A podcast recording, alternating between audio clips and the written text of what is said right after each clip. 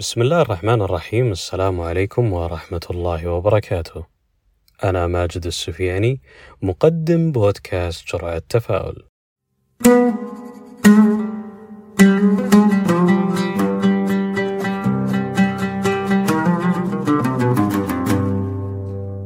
تتذكر آخر مرة واجهت فيها أمر محير، تحدي، مشكلة، موضوع شخصي، أو أمر مفاجئ ما كان في الحسبان إطلاقا ولم يخطر على بالك؟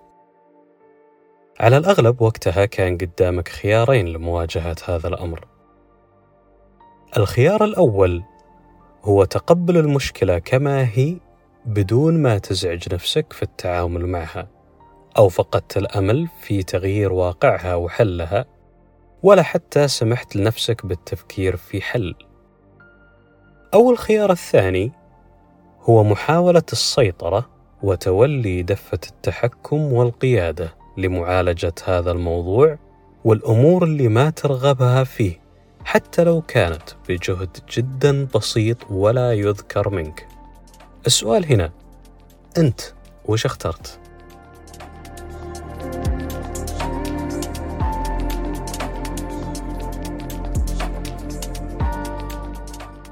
إذا صار أمامنا تحدي أو موضوع ثقيل نسبيا بنتصور أن أسهل حل هو الانسحاب وترك الأمور كما هي.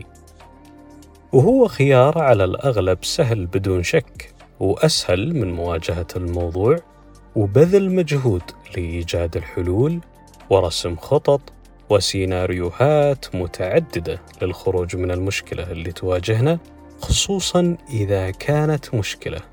غير محسوب حسابها ومفاجئة. وكل ما تذكرت مقدار المجهود المفروض عليك تسويه بيزيد عندك الشك في نفسك إذا أنت أساسا قادر على حلها أو لا.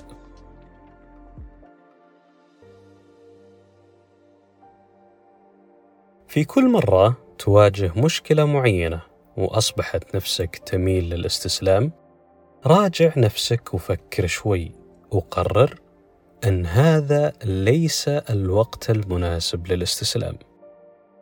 يكفي مواضيع كثيرة سبقت هذا الموضوع واخترت الانسحاب منها بدون حل. والآن يجب أن أضع حد لهذا الكم من الانسحابات.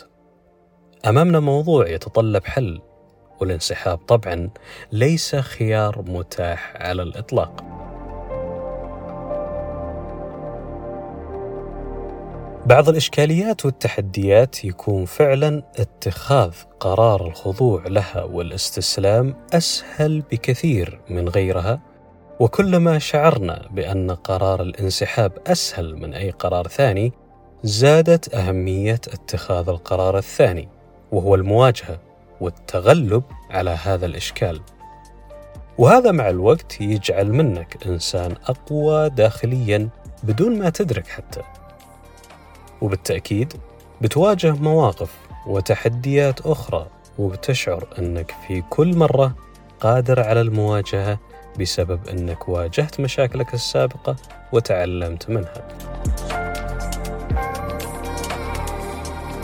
من الأشياء اللي تحفز عندنا الرغبة في الانسحاب أو الهروب من مواجهة أمر ما هو لو كان مفاجئ وغير متوقع.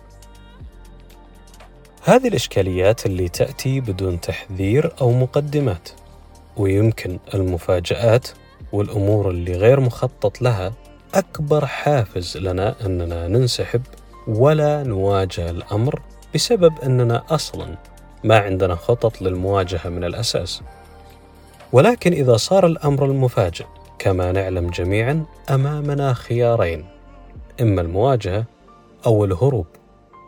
والهروب يبقى حل مؤقت وليس جذري للمشكلة ويستهلك من وقتنا وطاقتنا الكثير بعكس المواجهة اللي تقضي على الإشكال بشكل تام. أمر آخر يحفزنا على الانسحاب هو عدم الثقة في النفس أو الشكوك اللي تكون فينا حيال أنفسنا. هل أنا قادر فعلا على مواجهة هذا الأمر وحله؟ الإجابة على هذا السؤال تكمن في المواجهة. بعد مواجهة المشكلة تظهر الإجابة ومدى استطاعتك من عدمها. لذلك لا تنسحب قبل المواجهة. أيضا نضيف أمر يحفزنا على الانسحاب. هو تساؤل نتجاهله أو شعور نتفاداه.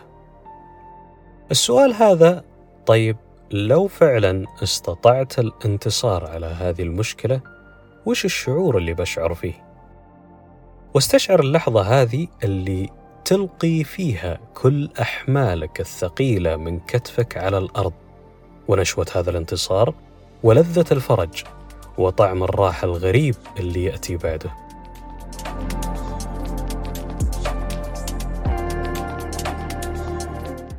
لا تبخل على نفسك وتحرمها حلاوة هذا الإنجاز. وكن على قدر كافي من الثقة بنفسك وإمكانية تخطيك لهذا الحدث العابر. وفي الختام تذكر أنه لا يوجد إنسان يستطيع مساعدتك غيرك أنت. وهذه جرعة التفاؤل اليوم وأنا ماجد السفياني والسلام عليكم ورحمة الله وبركاته.